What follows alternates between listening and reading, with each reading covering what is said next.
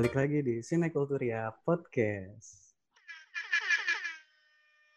Yes. Yes. Bareng gue Angga. Goki. Gue Dimas. Ini Akhirnya lagi pada sibuk apa sih sekarang nih? sibuk nungguin THR sih kalau gue. kalian pada pada, pada kalian pa- pasti pada udah cair ya. Kalau gue masih pertimbangan direksi. Masih Belum gue kelihatan hilalnya ya. Hilalnya belum kelihatan. Sama kayak episode Jadi- kemarin. Lagi mencari hilal. Ah, jadi antara ada dan tidak ada gitu. Kayak yang lagi rame-rame sekarang nih, Gimana gimana antara ada dan tiada ada gimana gak? antara ada dan tidak ada. Ah, tidak Kayak ada. lagu itu mah ya, lagu zaman dulu antara ada dan tiada. Utopia, itu utopia. Ini udah hari keberapa ya puasa ya? Udah lost track gue gara-gara Oh, di rumah mulu udah gak ngitung. Kurang lebih bisa dihitung eh, jari lah. Kalau misalnya kita Ya. mau lebaran gitu. Heeh. Iya.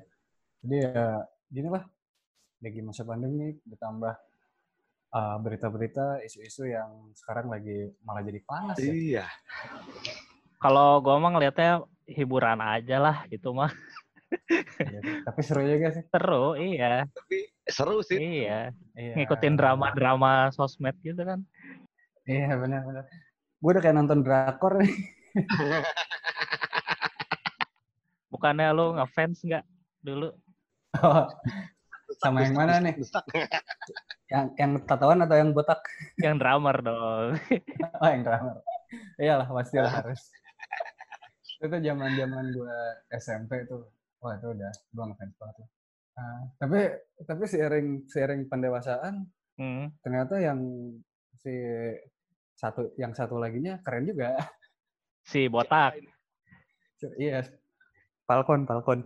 Oh si Falcon. Si Falcon kata. Falcon. Itu ternyata keren juga. Iya.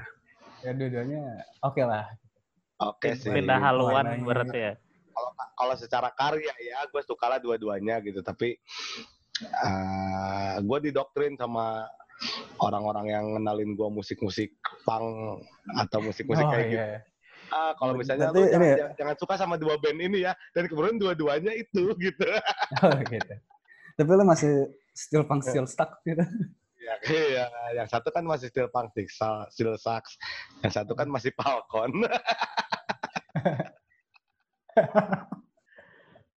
Ini Iya. dramanya masih masih jalan ya di YouTube. masih berlanjut. Ya benar-benar. Belum Masih ada berlanjut. akhir, ya masih berlanjut. Kita sih pengen juga sih sebenarnya ngebahas Hmm. teori-teori konspirasi gitu ya soal corona ini. Iya.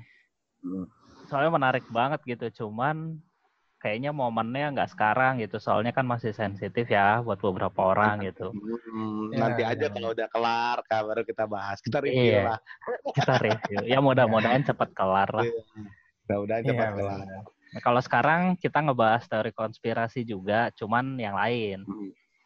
Mengenai Oh iya. film ya, dari Hmm. film ya, biar Ya. sinekulturia banget gitu.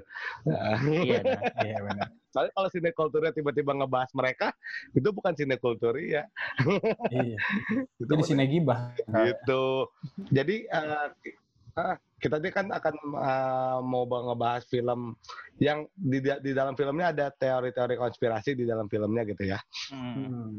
Gitu kan ya enggak ya? Iya. Jadi langsung aja deh. Ini judulnya filmnya Contact. Yes. Hmm. Ini cukup lama juga sebenarnya karena dibuat tahun 97. 97, 97. Mm-mm. Iya. 97. Tapi oh, memang alasan alasan kenapa kita pilih film ini nanti kita bakal sebutin di pembahasan kita kali ini gitu. Karena Mm-mm. mungkin agak berbeda dengan film lain yang tentang makhluk luar angkasa di film Contact ini eh, ini kita berbicara tentang seorang saintis ya Mm-mm. mungkin bisa diceritain dikit Ki?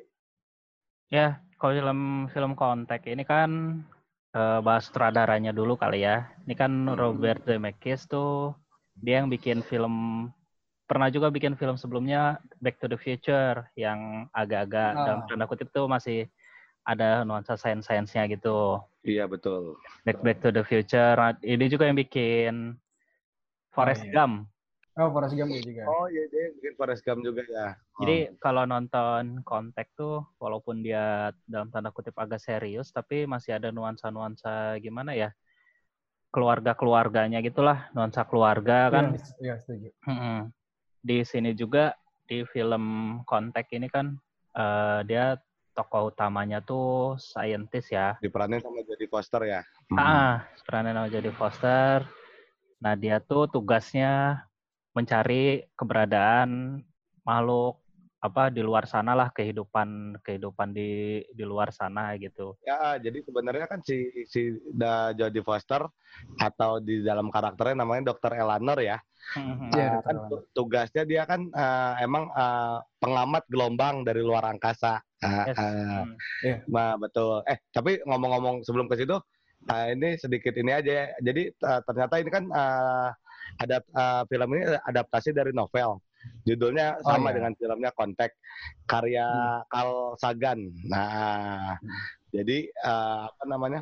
Gue pernah nonton tuh film dokumenternya. Dia tuh punya film dokumenter gitu kan dia astronomer ya. Carl Sagan ya. Hmm. Dia, dia astronomer gitu. Hmm. Tapi selain nulis-nulis yang serius-serius gitu ya, dia juga sering nulis novel, sering nulis novel, bikin film dokumenter. Jadi jadi enak loh kalau dia kalau ngebahas padahal tema-tema yang berat gitu ya, soal astronomi Hmm. segala macam. Hmm. Tapi bahasanya tuh ringan gitu, santai. Kalau zaman sekarang kan eh, beliau udah meninggal ya. Ya. Eh, penerusnya tuh ada Neil deGrasse Tyson tuh yang kulit hitam Ah. juga. kulit hitam dia astronomer juga Dia kayak gitu dia ya. bikin film dok Mm, Dia cara kurang lebih penerusnya si Carl Sagan ini ya. Iya, Gitu sering-sering diundang ke talk Oh, iya. show, lu- lucu gitulah Hmm. pem- pembawaannya ngepop. Oh iya, Ki.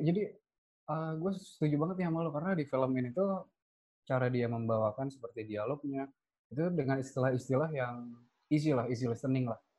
Di, Iya, kita iya, kan iya. sempat tuh nonton film-film yang eh, tentang rumah sakit itu banyak bahasa kedokteran yang kita harus Hmm. googling dulu gitu. Itu artinya apa sih? Hmm, roaming Iya, ya. bener-bener. Gue setuju bener. Di- Ibaratnya kan kita awam ya soal astronomi gitu ya. Hmm. Iya, benar. Tapi ah, tapi di film kontak ini ah, apa namanya? Bahasanya tuh bahasa emang bahasa astronomi tapi kita sebagai orang awam tuh masih bisa masih ngerti gitu kan. Iya, benar. Iya. Malah kalau di, di awal-awal dia kan uh, ngotak-atik radio, radio CB gitu kan. Yang dia ah, ah, Iya, benar benar benar. Radio CB tuh apa Iya, tuh? iya. Yang milenial nih nggak ngerti nih radio CB. kalau milenial taunya pasti CB 100 Honda. Itu lawas juga. Iya benar. Jadi seru nih di diceritain juga nanti masa kecilnya kayak gimana tentang uh, figur seorang ayahnya yang ternyata membuat dia juga tuh membentuk karakternya dia juga. Iya, yang bikin dia Hmm. kemotivasi buat ya apa namanya ngambil karir ini tuh dari ayahnya gitu kan. Karena Iya, ayahnya juga benar. back backgroundnya hampir sama tuh. Nah, yang Iya, iya. menarik nih eh, di film ini menurut gua pendekatan filmnya tuh dia kan ngomongin topik soal makhluk ekstraterestrial gitu ya. Hmm. Nah, kebanyakan tuh kalau film Hollywood yang lain nih yang pernah gua tonton gitu, dia tuh selalu ngegambarin alien itu sosok yang jahat lah gitu Oh, ya, iya. yang yang Iya, pengen Ya, menginvasi gitu, eh Hmm. merusak yang bumi. berlendir gitu ya. Ah, iya, iya, mah Berlendir bukan loh. alien. iya bener. Tapi kalau lo per- perhatiin di film-film lain alien itu rata-rata berlendir dan jijik gitu iya. kayak Iya. gimana gitu kan. Ya, Ah, bukan iya, ibaratnya jauh dari kehidupan dari, dari kayak manusia gitu kan. Hmm. Meskipun manusia Iya. ada yang berlendir juga. Iya. Nah, fil- si kalau si kontak ini tuh nggak ter nggak tergiring buat ke arah sana. Ya penggambarannya cukup rasional lah, eh, mengilustrasikan kalau manusia tuh, ya ini kan first first contact ya, jadi Hmm. eh, Hmm. ada apa ya komunikasi pertama gitu dari makhluk luar angkasa. Mungkin kurang lebihnya tuh bakal kayak yang di adegannya di film ini gitu. Iya. benar. Jadi nggak Iya, nggak langsung aliennya datang terus salaman gitu sama ini Hmm. sama manusia, Iya, tapi iya, lang- langsung pelan-pelan gitu kan. Ada kirim Hmm. sinyal dulu gitu kan. Hmm. Benar Jadi gitu. nggak Karena SKSD. Ada beberapa film tuh yang alien tiba-tiba datang ke bumi udah bawa Eh. senjata rahasia. Ah, gitu kan. tahu-tahu Senjatanya tahu nyerang ya. Tahu Tahu-tahu nyerang. nyerang. Tahu-tahu nyerang. Kalau enggak orang orang di bumi diculik gitu lalu dibawa di sana diotopsi segala macam Iya. kalau Kalau ini pesawat yang seperti itu gitu kan. ya Iya benar-benar. kalau ini enggak enggak enggak ke arah sana jadi mas, masih masuk akal gitu Masih masih eh, duniawi ya, da- eh, bukan duniawi dalam artian iya, kehidupan benar. yang realistis lah gitu. Ya, Maksudnya ah, ada beberapa scene nanti kalian nonton juga ya listerin listerin kalau misalnya belum nonton. Hmm. ada ya kehidupan eh, sebagai saintis eh, dia emang pengamat gelombang udara tuh.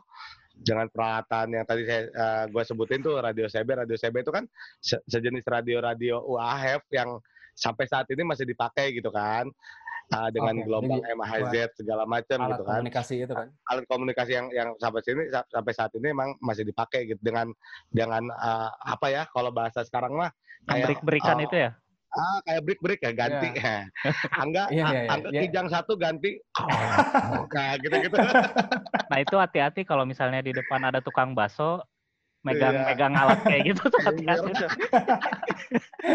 Ma- mantau itu biasanya hati-hati hati-hati ada cep- intel cepu tuh Hati-hati biasanya tuh Cepu. Padahal ya kalau misalnya sebenarnya HT itu kan dipakai kalau di proyek, lu kayak di tambang Iya, iya. segala macam kan gitu kan. Iya benar. Eh. Terus kalau- ya mungkin Iya. tukang bakso kalau misalnya mau order orang pertambangan gitu Pak order satu ganti baksonya lima gitu kan bisa jadi dipakai lah sama tukang. Oke. ya mungkin ngegambarin secara simpelnya gitulah ya cuman ini versi Ya, yang le- benar. jauh lebih canggih gitu kan pakai satelit segala macam yang kita Ya. nggak ngerti lah cuman keren aja gitu kan Uh, Ya. apa ya? uh, kita sebagai penonton nih kalau gua nganggapnya Hmm. gua gua pas nonton ini Hmm. nggak terlalu awam dengan teknologi yang wah gitu untuk uh, untuk uh, ibaratnya mendapatkan sesuatu gitu ya. Dalam artian Hmm. si dokter Elanor ini kan uh, dia emang uh, mencari ma- ma- ngecek ada gelombang datang ada gelombang enggak kan kalau misalnya Iya. mungkin di film-film lain atau mungkin di film-film yang modern yang baru dia udah pakai teknologi yang ya kita nggak tahu tuh Iya. teknologinya apa. Nah di film ini tuh bener-bener teknologi yang yang uh, erat gitu sama kita yang relate sama kita. Oh ini radio CB doang. Ya nggak setuju pakai HT atau segala macam gitu. Jadi eh, dimulai dari radio SCB ya. Ini tuh Hmm. film ngasih kita clue tuh pelan-pelan loh Hmm. dan relate gitu. Maksudnya Iya, dari benar, benar. radio CB sampai akhirnya dia harus punya alat yang lebih. ya ya Alatnya didapatkannya di mana? Kalau kita mikir mikir logis ya, kita nggak mungkin bikin. Karena itu iya dong udah dijelasin di berbagai artikel, alat-alat seperti itu hanya ada di proyek pemerintah. benar proyek militer gitu.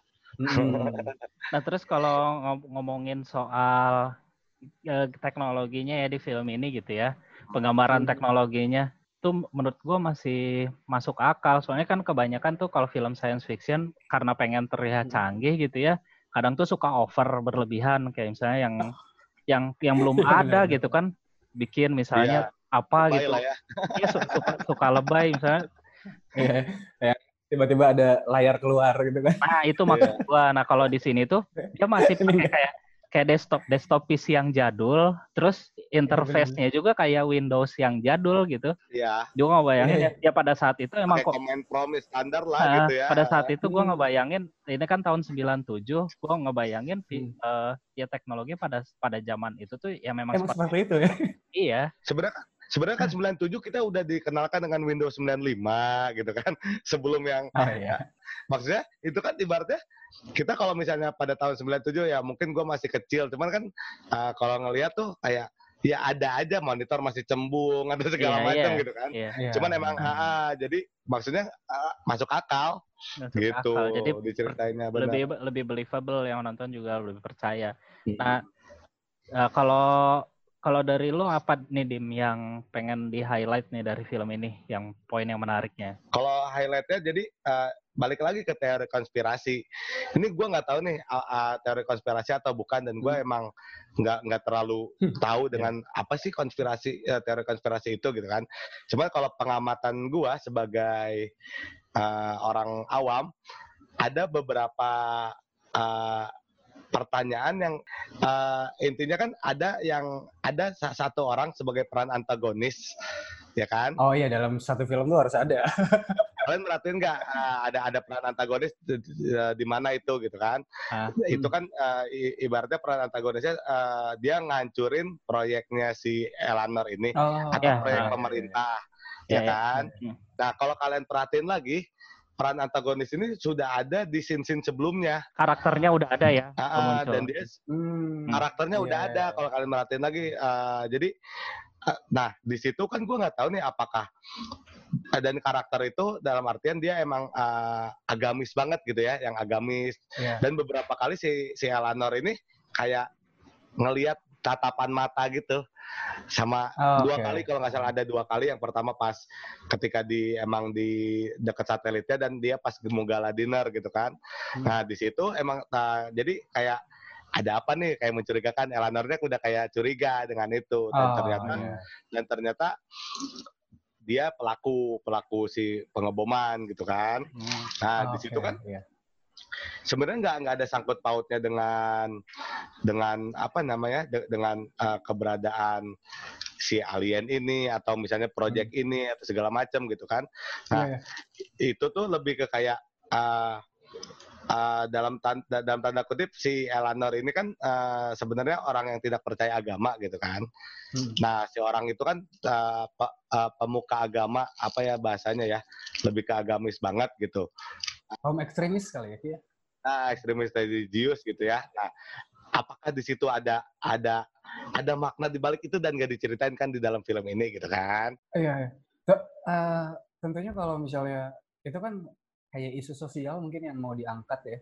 Isu sosial yang Betul. mau diangkat eh, mungkin pelengkap dari film itu bahwa dari kaum ekstremis itu di situ sudah ada dan menentang proyek itu. Nah, kira-kira Ki ini kenapa bisa bisa seperti itu? Nah kalau kalau gue sih ngelihatnya di- itu kan digam, banyak juga digambarin nih reaksi dari masyarakat. Nah kan isu ini udah ada nih dipublikasiin sama pemerintah gitu ya soal penemuan penemuan gelombang ini nih Betul ya. Ah. Dan heboh tuh. dan heboh. Nah macam-macam nih ternyata respon Ah. dari masyarakat kan ada yang super ini banget excited. Jadi pas mau peluncuran mereka tuh pada ngumpul gitu kan, pada pengen nonton, ada yang pakai kostum, jadi jadi kayak festival aja gitu. Ya ada yang kita mau kehidupan baru di planet itu gitu kan. Kita mau Hmm. itu gitu Iya. kan. Pakai merchandise, pakai boneka dan segala macam kan. ada yang konser. Hmm. Nah, dari sisi lain ada juga pihak-pihak yang menolak nih. Kalau di film ini tuh di, digambarinnya lewat ya tokoh antagonis yang tadi Dimas bilang eh karakter yang radikal lah ya. Kebetulan di sini kan Hmm. backgroundnya diliatin eh agama gitu, religius. Nah, kaum kaum kaum yang radikal ini mereka menentang fakta yang disebarkan oleh pemerintah bahwa ada kehidupan lain di ru- di luar sana gitu dan itu tuh ber- Lain di bumi. mm, bertentangan sama sama Hmm. kepercayaannya dia gitu kan tentu saja kan Iya benar benar benar. Setuju yang namanya yang namanya sains dari dulu kan selalu bertentangan sama yang namanya dogma agama gitu Kak. Mm. Nah, ada selalu ada gitu eh pihak-pihak yang punya apa ya perspektif lain gitu dalam melihat suatu isu Hmm. tuh selalu akan selalu ada gitu dan ya tergantung tiap-tiap orang aja ngeresponnya mau kayak gimana ya terserah mau percaya versi yang mana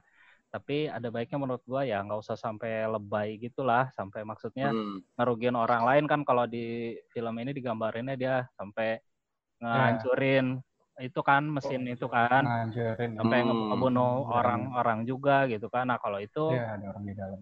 Menurut gua udah ekstrim ya masuknya tapi kalau misalnya perbedaan pendapat versi soal suatu isu ya itu mah wajar-wajar aja Iya. kan. Yang yang gue aneh kenapa ini nggak dibahas gitu kan? Dibahasnya ya udah Oh. Selesai. Nah, project hilang dan uh, kalau misalnya orang awam kalau gua nih kalau gua nonton itu anjir udah habis berapa ratus triliun untuk ngebangun proyek itu gitu kan Iya, benar. Ah, kenapa ini nggak dibahas? Gitu. Tuh toh tiba-tiba ada proyek lagi.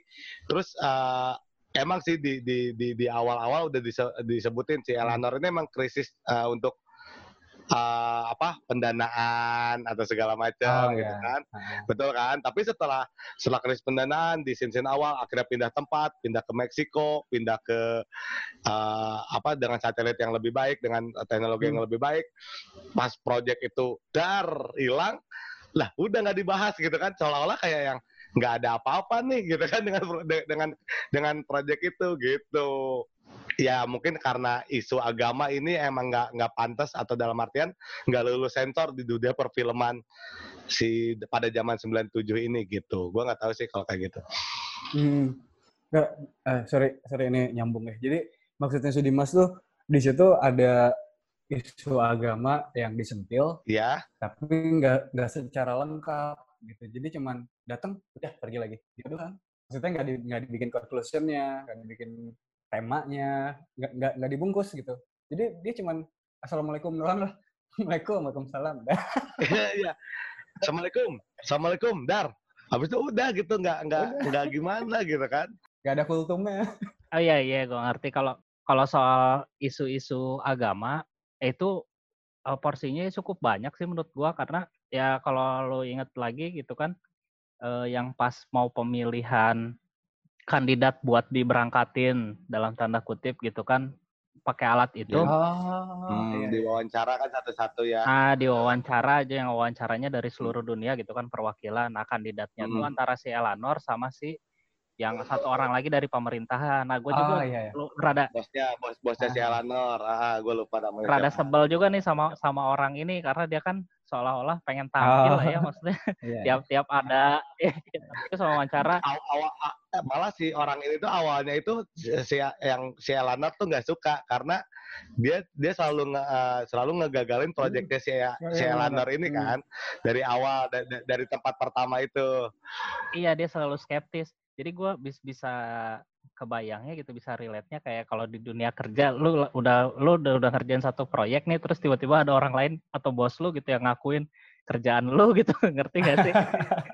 Nah terus sih Iya, iya, kesel iya. ya se- rada sebelnya juga sama si orang itu gitu. Nah nyambungin ke yang isu agama tadi di yang pas di sidang itu kan untuk pemilihan kandidat buat diterbangin kan Hah? antara dua ini nih si, si Eleanor kan yang pertama kali dia nggak lolos karena ya kesandung sama itu masalah kepercayaan Karena tadi dia nah dia Oh, dia- iya. dia nggak nggak nggak nggak percaya dengan adanya Tuhan intinya gitu kan. Hmm. Iya, Hmm. nah si sementara si bosnya ini dengan pinternya gitu dia ngegoreng masalah ini sehingga dia yang terpilih gitu buat berangkat. Nah itu juga lumayan lumayan krusial gitu Bener. Jadi masalahnya ada di scene juga yang kayak kayak ada yang ada kayak ngejilat gitu pas ada meeting sama presiden. Iya, ada- makanya ya kan ada unsur-unsur ngejilat si gitu. Eleanornya ah, kayak si kayak kurang di apa ya, kayak kurang diapresiasi, Ya. kurang di benar, kurang, kurang dapat apresiasi gitu. Padahal dia Hmm. dari yang dari awal dia kekeh Hmm. gitu kan dengan project ini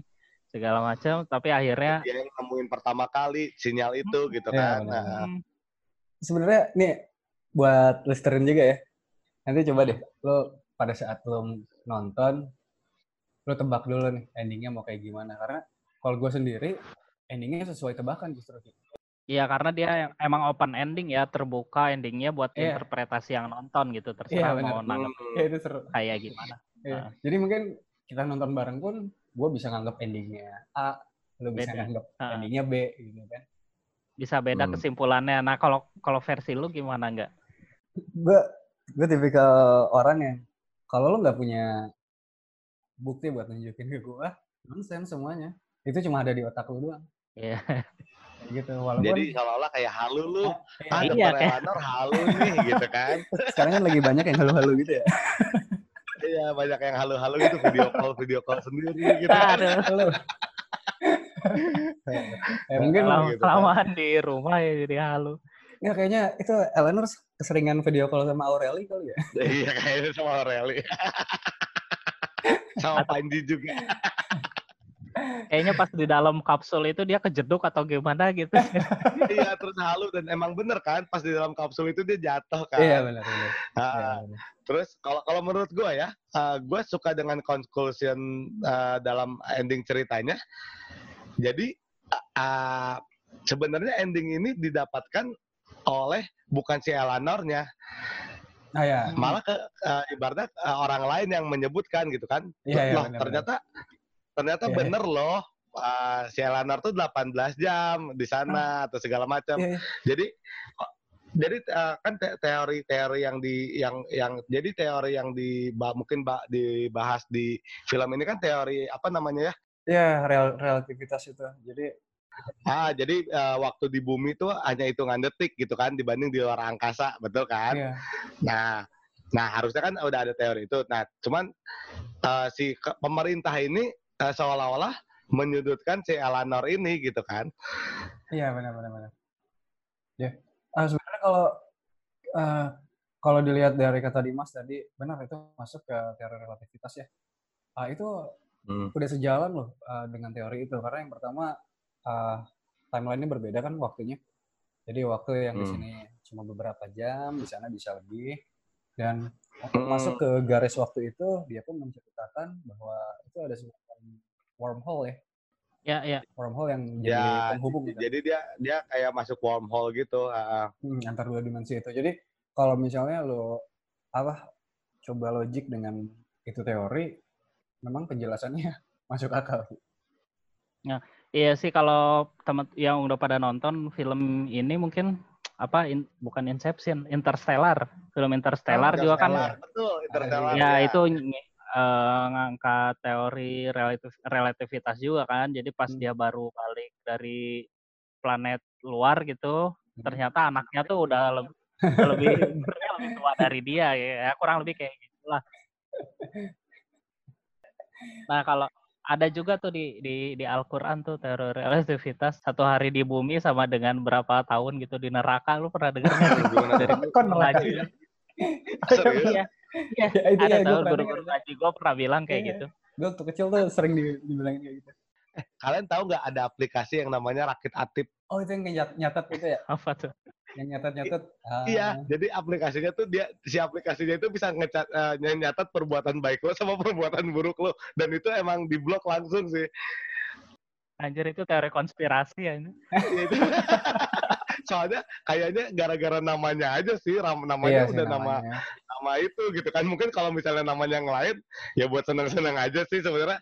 Fun-fun aja cuma karena namanya uh, terlalu frontal iya, jadi itu di blok nanti ada versi berbayar ki ke depannya ki. Ke depannya pakai versi berbayar. Jadi kalau mau dikurangin yang jeleknya nah nanti langganan dulu. Baru bisa dikurangin jadi kayak UUD gitu ujung-ujungnya duit kalau kita pakai aplikasi yang free banyak iklannya. Iya benar. Poin apa lagi nggak menurut lo di film ini nggak? Menurut gue itu sih jadi uh, pada intinya sih sama kayak pertanyaan gue di awal gitu. Terus sebelum atau sesudah nonton ini tuh nggak percaya nggak sih dengan eh, hal-hal uh, yang ada di luar angkasa gitu. Ada kehidupan di sana. Percaya nggak percaya sih kalau gue dalam artian uh, kalau gue kan tipe orang yang disebut netral enggak ya. Tipe orang yang disebut uh, ngulik juga enggak gitu. Yeah. gue sih yang mana yang benar sih yang gue ikutin menurut gue yeah, menurut gue benar itu gue ikutin tapi menurut uh, eh, gue salah itu gue nggak ikutin. Sesimpel itu sih kalau gue mikirnya dari te dari teori-teori konspirasi uh, apa namanya teori-teori konspirasi. Dan gue jarang orang yang uh, apa ya mengungkapkan ya intinya gue nggak nggak nggak berkata patah di sosmed atau segala macam gue nggak publish ya gue hmm. dalam hati gue aja menurut gue si A bener loh Uh, tapi si B benar dan itu kan bi bisa jadi gue berubah pikiran yeah. ketika berjalan waktu oh ternyata si B yang benar yeah. si A iya. salah yeah. itu kan di, di, di, di uh, diri gue aja jadi gue nggak terlalu jadi ketika gue udah berstatement eh salah eh gue jadi B itu kan malu gitu mendingan gue simpen dalam hati aja gitu Lalu, gimana kalau gue sendiri sih untuk sampai ke tahap percaya itu butuh yang namanya pembuktian gitu kan Nah, untuk saat ini bukti-bukti yang ditawarin sama teori-teori konspirasi itu belum cukup meyakinkan gua gitu. Nah, posisi gua sekarang ya terbuka, masih terbuka. Kalau misalnya suatu saat ada bukti-bukti baru yang bisa meyakinkan gua, mungkin posisi gua bakal berubah jadi percaya. Ah, ya.